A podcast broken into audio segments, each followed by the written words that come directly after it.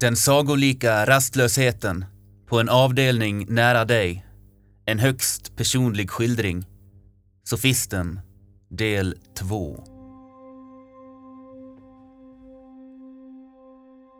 Min kropp var svullen av alkohol, men jag var smal och jag sökte trygghet i den här sjuka familjen. Jag föreställde mig att den galna pillermissbrukande kärringen var min farmor och att den svårt knivskurne killen var min bror. Det kalla och sterila tvingade fram kreativiteten hos mig som aldrig förr och jag anpassade mig sakta men säkert.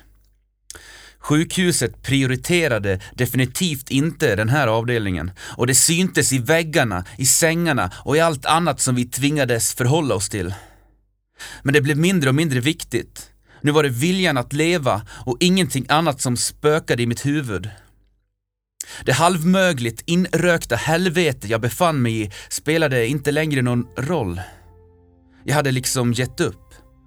Det fick bli som det blev, om det nu ens var värt att fortsätta. Om det överhuvudtaget fanns någonting fint att förhålla sig till. Här inne var det dött. Där ute knallade livet på som vanligt. Folk gick till sina jobb. De tjänade sina pengar och handlade efter ett system som jag en gång i tiden accepterat, men nu liksom förkastat. En blandad kompott av osäkerhet och förtvivlan fanns kvar. Var det på väg att brista nu? Farmor var galen. Hon brukade hoppa runt i köket och låta som en apa. Och en gång svingade hon en stol rätt in i ett porslinsskåp. Glassplitter och sprängda muggar, ett sinnessjukt vrål och ett antal förstörda stolar. Extra tung personal tillkallades och när hon till slut fått i sig medicinen som hon så innerligt ville ha blev hon lugn och gammal igen. Rar och moderligt normal och inte alls psykotiskt galen. Det var som om någon släckte en lampa i skallen på henne och tvingade bort alla hemska minnen. Ungdomens hysteriska fester med bensobläckor som slutat i trasiga lägenheter och förstörda hyreskontrakt som i sin tur lett till både det ena och det andra. Kanske nätter spenderade under olika broar, ofrivilliga avsugningar och så vidare.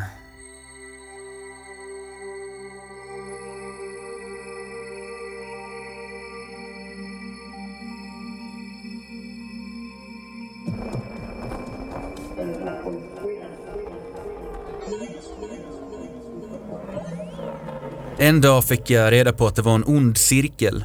En diagnos och den kunde botas. Jag satt framför läkarna och de spelade bekymrade. Men jag visste vad de tänkte på. Lämpligheten, hur var det med den?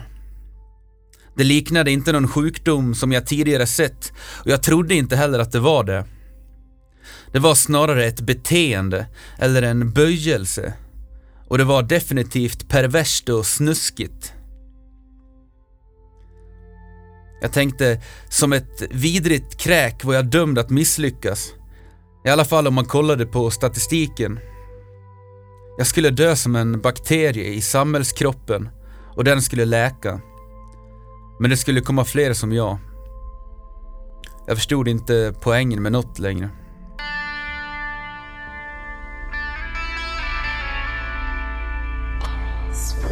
Det stod skrivet i stjärnorna för att uttrycka det poetiskt. Vi var djävulen och änglarna bar vita rockar och satt och drack kaffe och kollade på TV mitt i ett stormigt hav av ångest. Och i vår gemensamma pansarbåt som brakat iväg i väldig fart kunde vi med styrka trotsa vågorna, hur stora de än var. Här var det dämpat och stängt som i en uråldrig grotta. Kanske fanns det krafter nog att åtminstone åstadkomma en liten läcka i skrovet. Man hade ju hört en del rykten och dessutom sett en del gigantiska stormar, som till exempel farmors oförutsägbara utbrott. Självmord och död var en sak, men våld kunde kanske få båtens sidor att öppna sig så att vågorna slog in och spolade ut oss på öppet hav.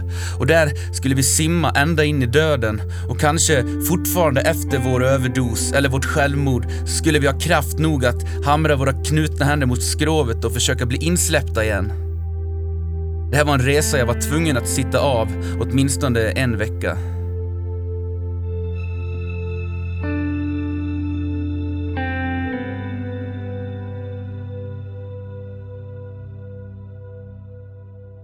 Det var hit man kom när allt annat inte fungerade. Psyket kunde inte hantera oss. Farmor sa att det var en fråga om resurser. Allt var billigare här. Och på något sätt var man ju tvungen att hantera flödet in och ut. Det var väldigt många som mådde dåligt. Och den stora frågan var vad som kom först. Hönan eller ägget? Lidandet eller drogerna? För att vara på den säkra sidan skickade man alla drogisar till Falun och alla knäppisar till Säter. Det var bara att ta några enkla prover för att se vem som skulle vart.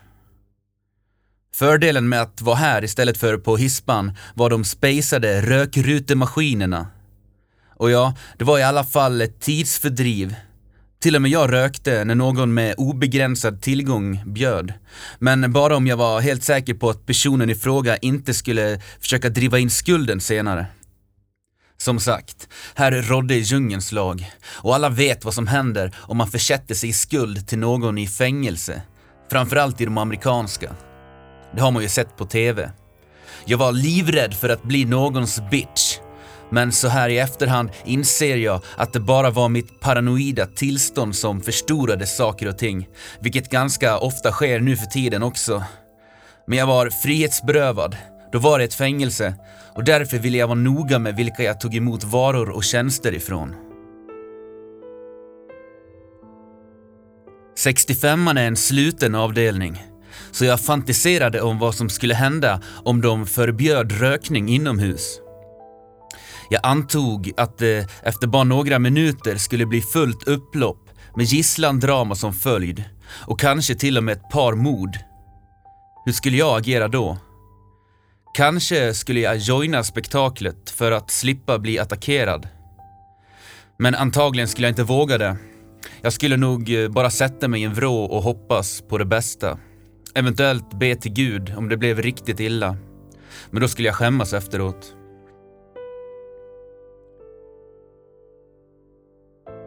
En kväll när jag som bäst satt och försökte undvika alla andra fick jag känslan av att någonting iakttog mig. Det var väldigt påtagligt så jag vände mig om och mycket riktigt stod där någonting.